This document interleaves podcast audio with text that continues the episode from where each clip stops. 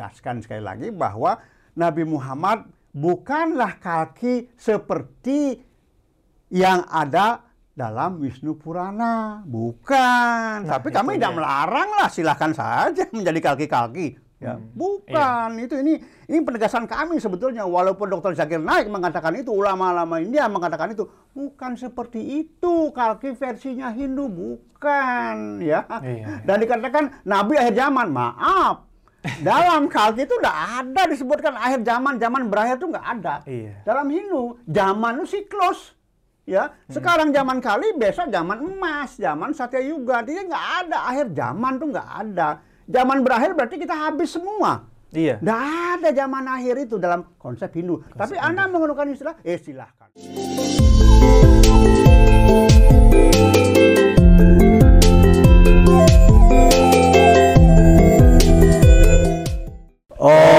Swastiastu. Salam Rahayu pemirsa Hindu Channel.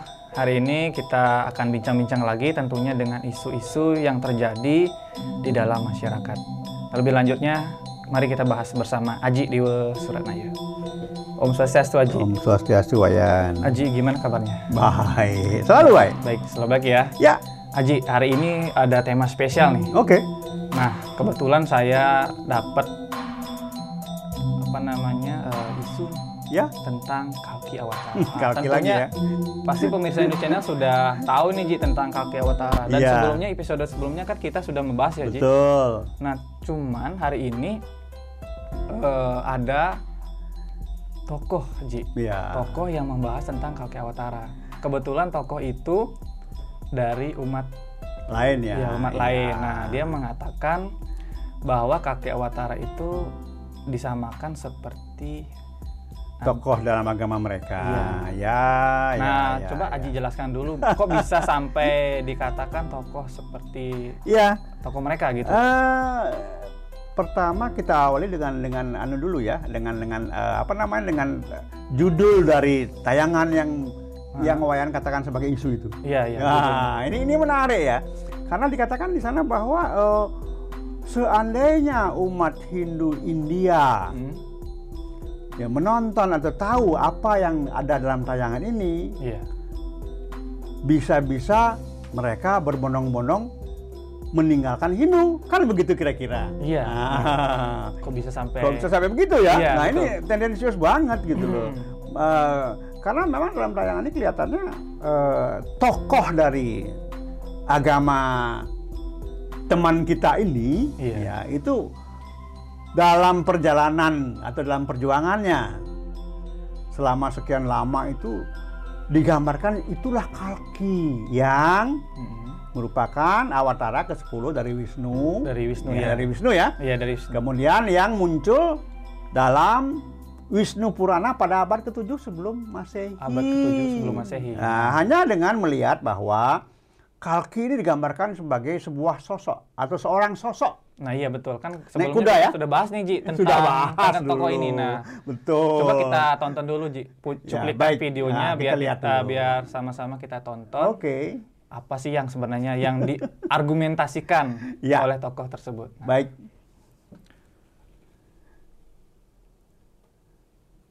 Eh, semua agama besar itu sebetulnya juga diyakini dan ada di dalam kitab sucinya itu eh, menunjuk tentang siapa yang dimaksud dengan nabi akhir zaman itu yakni Rasulullah Shallallahu Alaihi Wasallam ya di dalam agama Hindu juga mengenal adanya dasa avatara atau apa namanya dewata nawasanga dewa avatara ya yang berjumlah Nah, Ji, seperti itu videonya Ji.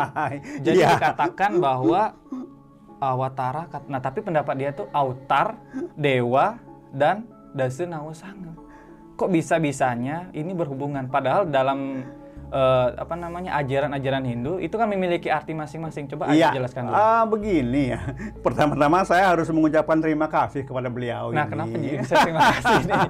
Karena ternyata ternyata Hah? hanya salah satu ajaran Hindu yang namanya Awatara. Iya. Jadi Awatara ya, bukan Iya. avatar, Iya. bukan avatar, bukan juga autar. autar. Nah, Awatara. Iya. Karena dalam bahasa Sanskerta eh, V itu dibacanya W. W. Ya, jadi awatara, jangan Nah, salah Tahu ini. nih pemirsa, jadi bukannya avatar, Bukan tapi avatar. Awatar. Awatara. Iya. Ini kan hanya salah satu ajaran yang sangat kecil dalam Hindu. Iya betul. Ya, dan hanya menyangkut Wisnu. Iya. Tetapi ternyata ya ada eh, teman-teman lain dari agama lain yang mengapresiasi dan mengatakan bahwa itu ada dalam eh, apa namanya dalam ajaran mereka juga. Nah itu Artinya dia. apa? Heeh. Ya ini kan menegaskan bahwa ternyata Hindu yang bersumber dari Sanatana Dharma bukan bukan ajaran agama abal-abal. Iya. Buktinya menarik perhatian orang lain kok. Betul betul. Ya kan kemudian Iya. mereka menilai ya menilai, mengkaji, nah mengkaji ulang sampai mempelajarinya. sama ya jelas pasti mempelajari Artinya padahal kepo, Ji. nah Kepo Nah, ini, ini ini unik ya ini Iya, unik kepo. ya dan memang ada satu hal yang yang tidak bisa lepas dari etika sebetulnya Etikanya. janganlah pernah mengkaji atau menilai ajaran agama orang lain dengan cara sendiri dengan pola sendiri Kenapa Ci? nggak bisa seperti itu karena apa sekarang misalnya Iya. Dalam Hindu dikenal dasar-dasar keimanan Hindu yang dikenal dengan nama Pancasrada. Nah iya betul. Ada lima. Ada lima betul. Brahman, Atman, Punarbawa, Karma Pala, Moksa. Iya. Nah, ini kan Hindu yang punya dasar-dasar keimanan. Iya benar. Agama lain tidak ada. Iya. Nah, sekarang kita nggak bisa mengatakan, wah agama lain kenapa nggak ada?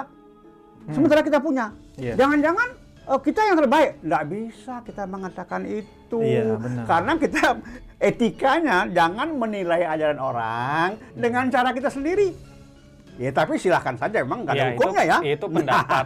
Maksudnya memberikan opini kan memang tidak Opini masalah. ya, boleh. Tapi kan jangan dipublikasikan kemudian tanpa konfirmasi. Tanpa nah tadi dikatakan Iya. dasa awatara, oke. Tapi kemudian Dewata Nawasanga atau Iya. Dewata da- eh, apa namanya Iya, iya. dasa itu ya? Dasa Nawasange. Dasa Nawasanga. Iya. Nggak ada hubungannya. Dewa yang ada di Nusantara ini Nah, di adalah Nusantara konsep di mana, Ji? ya yang di Nusantara ada konsepnya Dewata Nawasanga. Jadi ada sembilan kelompok dewata Mm-hmm. yang secara horizontal maupun vertikal katakanlah menguasai Nusantara. Nusantara. Nah, di India saja mungkin ada yang namanya Dewata Nawasanga, tapi beda. Berbeda. Mungkin di sana ada Indra, ada Baruna, ya, tapi di kita kan nggak ada. Artinya beda. Iya konsep. jelas konsepnya beda.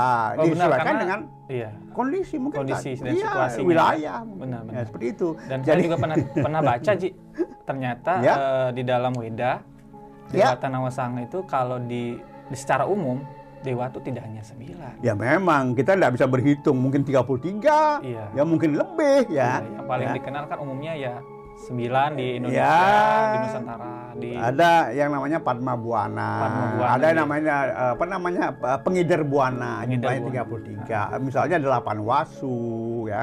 8 wasu, 11 rudra, trimurti dan lain sebagainya jumlahnya 33. Nah, jadi ini dari sini kita bisa eh, menegaskan bahwa yang namanya Dewata Nawasanga tidak Iya. ada hubungan dengan dasa awatara itu. Tidak ada Iya. hubungan.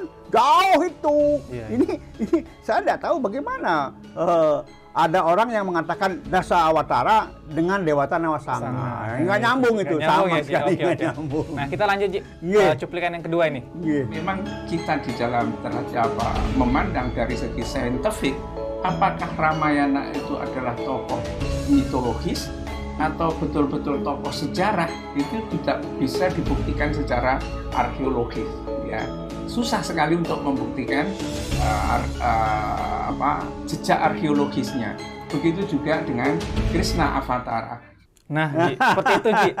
Dikatakan bahwa secara umum ini dasa awatara tidak memiliki Eh, apa namanya fakta, arkeologis secara- ya, iya, betul, secara- terutama Rama tadi dikatakan ya, Rama, Rama dan Krishna ya. dan Krishna. Nah, apakah itu eh, hanya dongeng, Iya. hanya mitos, Iya, hanya mitos. atau sejarah?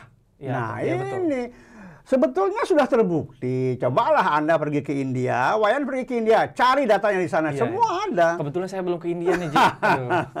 Bahkan ya, bahkan d- dari foto satelit sudah terlihat bahwa antara India dengan Sri Lanka Iya. itu masih ada bekas-bekas jembatan itu, ya masih ada. Artinya kalau itu merupakan bagian daripada data arkeologis yang diharapkan ada. Belum lagi misalnya di India ada yang namanya kuil Ayodhya. Kuil. Kaitannya dengan Rama. Oh. Jadi kalau mengatakan, eh, saya sendiri nggak berani mengatakan bahwa itu mitos tanpa data-data arkeologis. Silahkan Iya. ke India. India akan bisa membuktikan bahwa itu memang ada. Tapi- Jadi itu sejarah, fakta sejarah Iya, itu. benar, Seperti itu. Nah, Krishna juga demikian. Itu fakta sejarah. India bisa membuktikan semua itu. Iya. Maka saya kembali ingatkan, kalau kita nggak pasti, tidak tidak jelas, Iya. lebih baik cari informasi yang akurat. Baru kita berbicara. Ini nggak tidak bagus bakterinya. nggak- Ibaratnya seperti di apa namanya di sekolah nih Ji. Kan Iya. Pasti ngalamin nih orang-orang nih lagi menjelaskan tentang eh, misalnya melakukan penelitian nih. Iya, Nah kan pasti kan kita menjelaskan tuh iya, kalau tanpa kajian yang lengkap tapi eh, dengan ngomong berbicara iya. Ber- beranggapan bahwa itu tidak ada tapi dengan data yang sedikit kan itu Lah, sangat kurang gitu dan sangat makanya menyalahi malahan ya. betul makanya kita dalam tuli- penulisan skripsi pun kita Iya. mengenal yang namanya data primer, data, Data- sekunder, Nah, itu dia, bukan Ji. katanya katanya Jangan- katanya. iya, gitu. Lalu belum lagi kita menilai dengan cara saya. Nah, Nah, apalagi itu lebih fatal. lebih fatal lagi. Iya. Nah inilah sama dengan dengan Krishna, Rama. Cobalah dicek ke sana secara fisik. Lalu ada data, ada nggak di sana fakta-fakta arkeologisnya?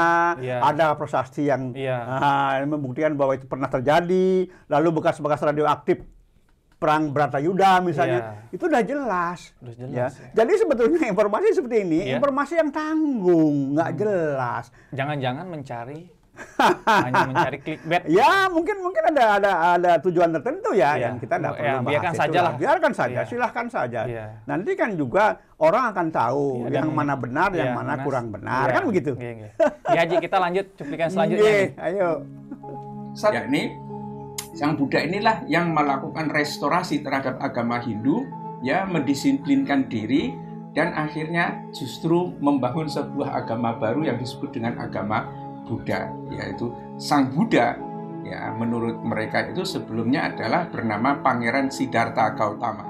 Nah, ini yang yang saya pertanyakan restorasi. Eh, ya. Jadi di Kalki yang ke-8, eh, maaf nih yang ke Sembilan. sang, ini Bu Sang Buddha Ya. atau Buddha Gautama Ya, ya. dikatakan bahwa menga, meng- apa, mengala, menggunakan Me- melaksanakan melakukan restorasi. Restorasi, nah, kita katanya. lihat dulu. Restorasi itu seolah mengembalikan kepada yang benar, kepada awal. pada awal. Nah, ini ini juga sebetulnya. Coba Anda jelaskan dulu latar belakangnya kenapa bisa eh, Sang Buddha melakukan restorasi ini. Sedikit saja Ji, jelaskan Ya, jadi gini. latar belakangnya. Eh, Buddha sendiri adalah pemeluk Hindu. Iya. Bahkan setiap sampai mati pun dia masih dengan cara Hindu sampai mati pun. Agama Buddha muncul itu berapa 150 tahun sekian lah setelah Buddha nggak ada, setelah Siddhartha nggak tidak ada. Jadi pada saat Buddha masih hidup, nggak nggak ada agama Buddha itu. Artinya apa? Bukan Siddhartha Gautama yang membentuk Yang agama membangun. Buddha, yang membangun kebuddhaan dan Bukan. dan res- eh, yang dimaksud dengan restorasi mengembalikan kepada awal tidak Oh, ada. gitu. Hanya memang cara Buddha mendapatkan pencerahan. Kan Iya. ingat dalam Hindu ada apa? Ada bakti marga, jalan bakti. Karma marga, Iya. jalan karma. Jana marga, pengetahuan. Raja marga. Ketika Siddhartha mencari pencerahan, penerangan batinnya, Iya. melalui jalan bakti, jalan karma, jalan jenana, belum memuaskannya, belum mendapatkan apa yang diimpikannya, beliau masuk ke jalan raja, raja marga. Dengan apa? Perenungan, meditasi, jauh dari segala kegiatan duniawi. Di sanalah beliau mendapatkan penerangan. Jadi sebetulnya apa yang didapatkan beliau Iya. itu memang masih di jalan Hindu. Berarti bisa Hanya ini- digarisbawahi. iya. Bisa digarisbawahi bahwa eh, Sang Buddha ini tidak membangun. Tidak, tidak dia juga tidak mendirikan agama. Tidak mendirikan Enggak, dan tidak melakukan restorasi. Iya, benar-benar. Hanya memang dia dikatakan bahwa dari 10 awatara Iya. ya yang diakui hanya satu yaitu Buddha karena manusianya ada, sejarahnya ada jelas. Iya, benar. Tetapi sebetulnya bukan berarti bahwa awatara satu, Matsya awatara sampai dengan Iya, awatara delapan Krishna itu bukan tidak diakui. Iya, Justru kalau umat Hindu tidak mengakui awatara awatara sebelumnya, bagaimana dia bisa mengakui awatara yang ke sembilan atau ke sepuluh? Iya, Nggak iya. mungkin. Iya, benar. Nah ini ini juga pernyataannya harusnya tidak seperti itu. Iya. Tahu dari mana Anda bahwa kami tidak mempercayai Awatara 1 sampai dengan 8. Nah, dipertanyakan. ini perlu dipertanyakan. Nah, Tahu apakah mana? nah itu, apakah Jangan-jangan- Anda sudah mendapat konfirmasi dari kami? Iya. Tidak pernah. Jadi, apa pun yang terjadi sebelum Awatara ke 10 atau ke 9, Iya. itu memang sudah sangat meyakinkan untuk kami di masyarakat Hindu. Oke. Ya. Kita Dan- lanjut, Ji. Iya. Cuplikan selanjutnya Ayo. nih. Dan eh, teks ini, kalau kita ditanya, apakah dari eh, Avatara pertama sampai ke sembilan ada yang menjadi penunggang kuda? Kalki dalam pengertian ini adalah penunggang kuda, ya, yang yang dijelaskan dengan penunggang kuda putih itu siapa dari situ? Kalau disebut Buddha, tidak juga. Kalau seperti Krishna itu pakai cakra dan pakai bunga wijaya kusuma ya bukan pakai cakra. Sedangkan Rasulullah itu adalah pakai cakra. Di dalam ilustrasi yang diberikan oleh eh, kitab-kitab Purana atau dalam Weda dan ini juga ada di dalam eh, kisah dalam perang-perang Mahabharata ya yang dikupas dalam buku apa namanya Bhagavad Gita itu memang menunjukkan bahwa eh, Kalki Avatar ini adalah penunggang kuda putih yang bisa naik ke langit. Dan inilah Rasulullah itu, ya. Bang- Bagaimana nih? Nah, begini. Nah, Eh, kalki versinya orang lain boleh-boleh saja. Boleh-boleh saja Boleh ya. saja. Tapi ingat, Hmm. kalki versinya Wisnu Purana bukan seperti itu. Walaupun gambarannya sesosok mengendarai kuda putih terbang ke langit, Iya. membawa pedang dan lain sebagainya. Iya. Buat Hindu, bagi Hindu, itu hanya simbol, bukan sebuah fakta. Iya. Kalau dikatakan bahwa, loh, Krishna nggak naik kuda, Hmm. ya, kemudian Rama nggak naik kuda, ya, tapi Sri Kandi naik kuda, kenapa dia bukan kaki? Dan dan, Dan sekarang banyak orang naik kuda. gitu. Tidak hanya satu dua tiga. Gitu. satu, dua, tiga, tidak. Setiap orang apa setiap negara juga ada Loh, yang menggunakan. memang saat kendaraan. itu kendaraannya kuda, Kuda. ya, jadi nggak bisa itu nggak bisa dijadikan sebagai Pembenaran. sebuah, nah pembenaran Iya. atau penegasan bahwa Iya, iya. kaki itu naik kuda. Iya. Loh, banyak orang naik kuda kok zaman-zaman itu. Iya benar. Di mana-mana naik kuda. Zaman Mahabharata dari pihak Kaurawa, dari pihak apa banyak yang naik Banyak kuda. naik Sampai hari ini pun masih Ya, sampai hari ini masih naik kuda. naik kuda. Tapi itu tidak merupakan sebuah bukti. Dan ingat, Iya. yang membuat simbol kuda itu adalah Hindu. Kenapa Jadi Hin- loh, Hindu lah yang tahu. Ya, kalau yang membuat simbol kuda putih, sosok Iya. membawa pedang. Iya. Ya kalau yang membuat itu Hindu, pastilah orang Hindu yang mampu menjelaskan apa makna dari simbol-simbol itu, Iya. bukan orang lain. Nah, mungkin pemirsa bisa menonton arti dari simbol-simbolnya di cuplikan video sebelumnya. Kita sudah membuat tentang eh, apa mengupas tuntas nih tentang Kalki Iya, Awatara secara Kalki mendalam. Itu. Mari kita lanjut, Ci. Oke. Nanti biarkan penonton bisa melihat episode sebelumnya. Kita lanjut cuplikannya. Baik. Siapa yang seperti itu? Itu hanya cocok dengan satu kepribadian yang sangat tepat dan tidak tepat pada yang lain, ya.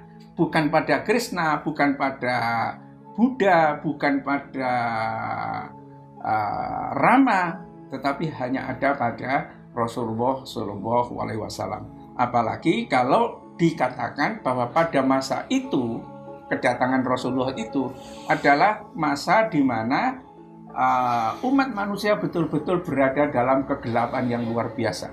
Jahiliyah, zulum, ya, itu adalah kegelapan total. Ini persoalan tentang kalki autar ini, ya, yang tidak diterima oleh kalangan Hindu. Selalu saja beberapa tokoh Hindu mengatakan bahwa kalki autar itu bukanlah Muhammad, ya, nabinya umat Islam. Bukan itu kata mereka.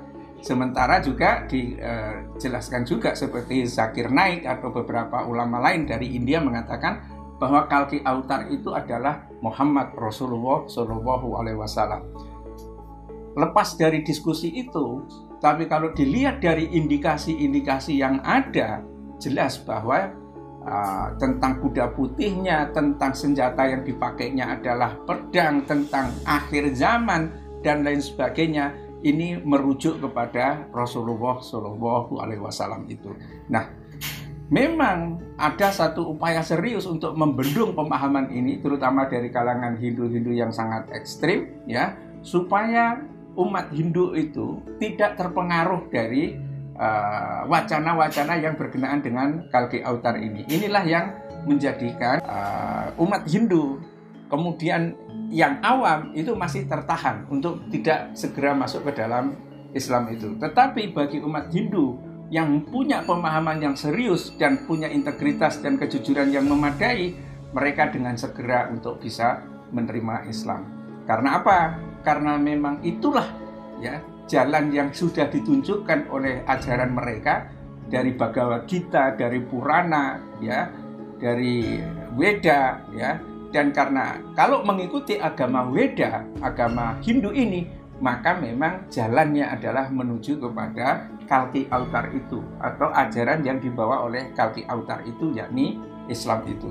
Nah, terserah kepada masyarakat Hindu ya bagaimana mereka mengkajinya, tetapi tampak bahwa jika uh, mereka memiliki kejujuran intelektual yang memadai, maka umat Hindu akan berbondong-bondong masuk Islam. Nah, seperti itu cuplikannya. Ini lucu ya, lucu Sangat ya. Sangat lucu yang dan yang membuat simbol siapa? Iya. Kemudian yang tahu maknanya siapa? Iya. Kemudian yang mengartikan siapa? Yang menafsirkan siapa? Siapa? Nggak masuk akal. Udah Iya. jelas, sudah jelas bahwa yang membuat simbol kaki awatara sebagai awatara Wisnu yang ke-10 adalah Hindu. Hindu. Ketika saat itu Islam belum muncul, abad ke-7 sebelum Masehi Iya. belum ada. Belum ada, Mungkin ya. Perbedaan waktu seribu tahun. Nah. Lalu sekarang kok mereka membuat penafsiran sendiri Dan tanpa meng Loh, Iya, yang membuat dan- baju dan, paling kita juga kan merasa dituduh dan masa Hindu dikatakan eh, apa namanya ekstrim. Eh. Ada ekstrimnya ya seperti itu kan secara tidak langsung menyalahi gitu. kan. Sebetulnya yang ekstrim, yang ekstrim sekarang siapa? Menilai milik orang dengan cara sendiri Iya. tanpa memahami siapa yang membuat dulu, Iya, lalu benar. apa artinya gambar kudanya, gambar orang seperti itu. Jelas kelihatan. Saya hanya mengkhawatirkan. Iya. Baru satu poin dalam Hindu sudah membuat penafsiran klaim-klaim seperti ini. Iya. Apalagi kalau mereka-mereka beliau-beliau ini Iya, iya. membaca yang namanya dasar-dasar keimanan Hindu yang Iya. lima tadi, Iya. saya khawatir jangan-jangan umat Hindu yang dulu meninggalkan Hindu akan berbondong-bondong balik kepada Hindu setelah tahu seperti apa sebetulnya Hindu mereka, setelah paham bagaimana sebetulnya Iya. kaki versinya Hindu. Ini yang yang mengkhawatirkan ini sebetulnya. Iya, iya. Kalau kami tidak pernah khawatir bahwa umat Hindu akan berbondong-bondong masuk ke Islam. Yang kami khawatirkan, umat Hindu yang sudah meninggalkan Hindu akan berbondong-bondong balik ke Hindu. Iya, benar. Ini yang ini ini yang akan jadi khawatir. Coba lihat nanti. Iya, iya. Jadi dan kita dikatakan ekstrem ya. Iya. Saya berpikir ekstrem itu seperti apa sih? Iya. Nah, ini. seperti apa, Ji? Seperti apa ekstrem? Ya ekstrem dong. Ya kasar ya, gak, yang ekstrem siapa? Iya. Ya, kita tidak pernah Dia mengatakan tapi dia tidak punya data. Itu yang kadang tidak sesuai dengan akal sehat kita. Jadi yang disampaikan ini Iya. memang kelihatannya hanya pantas didengar oleh orang-orang yang polos lugu, yang tidak tidak banyak paham tentang kehinduan. Ya, itu yang mengkhawatirkan sebetulnya. Dokter Jack, nah, apa naik eh, Zakir Naik ya Dr. pernah Zakir Naik. mengatakan ulama-ulama ini boleh-boleh saja mengatakan, tapi ingat tolong konfirmasi dulu kalki yang menurut Wisnu Purana abad ke-7 sebelum masa itu makna kudanya apa, makna pedangnya Iya. apa, makna eh, apa namanya eh, warna putihnya apa. Artinya tidak Tanya dulu. sementah itu artinya. Ya enggak lah, agama Hindu adalah agama simbol. Tanpa Iya. simbol manusia nggak bisa hidup. Iya. Negeri ini punya simbol bendera, punya Bendera, burung nah, Garuda, dia, punya Indonesia Raya. Iya. Ya, terus terang aja. Iya. Saya tidak khawatir ini. Iya. Mau disebarluaskan kepada wah Iya, ini silakan, iya. silahkan saja. Mau dokter eh, siapa eh, Dr. Zakir Naik. Zakir Naik mengatakan silahkan saja. Tapi saya pertanyakan sekarang, waktu abad ke-7 sebelum Masehi, apakah Anda tahu apa maksud daripada simbol-simbol itu? Iya. Tahu nggak? Biarkan nanti. iya. Seperti itu. Mungkin kaji lagi lah lebih dalam. Silahkan, Nah, biarkan kaji ya. lebih dalam, mencari datanya lebih dalam supaya Iya. tidak tidak sembarangan. Mm-mm. Memberikan argumen Silahkan, seperti nggak itu. bisa Iya, seperti itu. betul. Ini masalah etika. Etika ya. Kita nih hidup butuh etika, kita Iya. perlu etika. Ya nggak bisa kita mengatakan, weh itu jelek, agama itu jelek. Nggak bisa. Iya.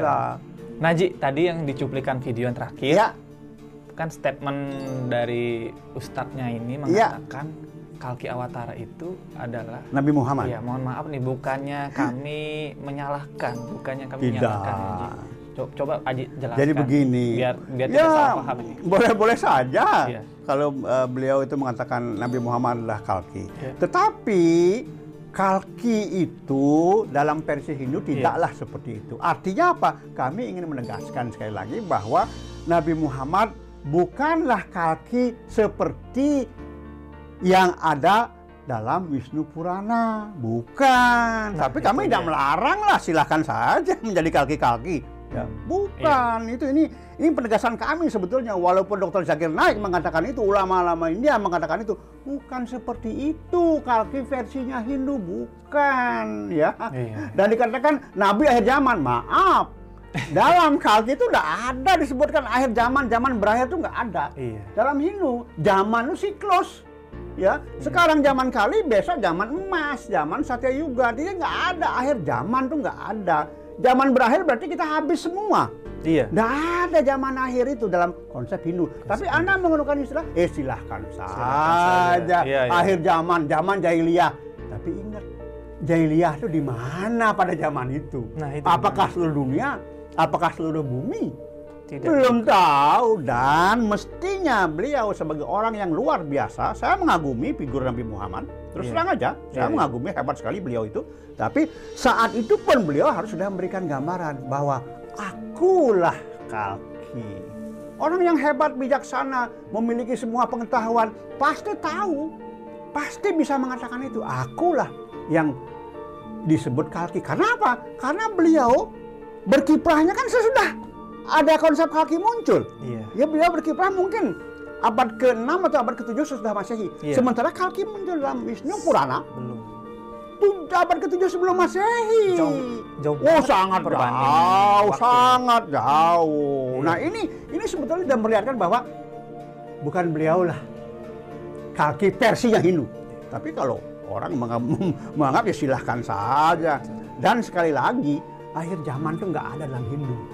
Tidak ada akhir zaman dalam yang adalah siklus. Siklus akhir Iya. zaman. Iya. Begitu sekarang ini zaman kali ya besok zaman Satya Yuga. Kamu habis lagi jadi Treta Yuga, Iya. habis lagi dua para Yuga. Kembali zaman kali lagi. Jadi tidak ada dalam Hindu Oke, Haji. seperti itu. Terima kasih Haji atas pemaparannya nih, tanggapannya dan mudah-mudahan pemirsa Hindu Channel bisa semakin yakin ya, Haji. Iyalah. Konsep Hindu bahwa dalam konsep Hindu itu tidak sementah yang diberikan statement seperti itu. Nah, Tapi kita nggak melarang loh, silahkan ya, saja. silakan saja memberikan pendapat itu kan hak memberikan Oh aspirasi. iya, katakanlah hak intelektual. Intelektual. Nah, biar keren ya. Ya, ya, ya. seperti itu. Oke, baik pemirsa Hindu Channel, eh, intinya tetap menjalankan literasi beragama itu Ya. sangat penting dan jangan lupa gunakan akal sehat agar kita makin yakin dengan serada kita seperti itu. Dan terima kasih juga pemirsa Hindu Channel sudah selalu menonton eh, konten-konten kami dan tentunya sudah memberikan apa support dengan cara mensubscribe, komen maupun membagikan ke teman-teman, keluarga maupun masyarakat lainnya. Baik Haji, mari kita tutup Oke, ayo. dengan para Santi. Yap. Om Om Santi, Santi, Santi. Om.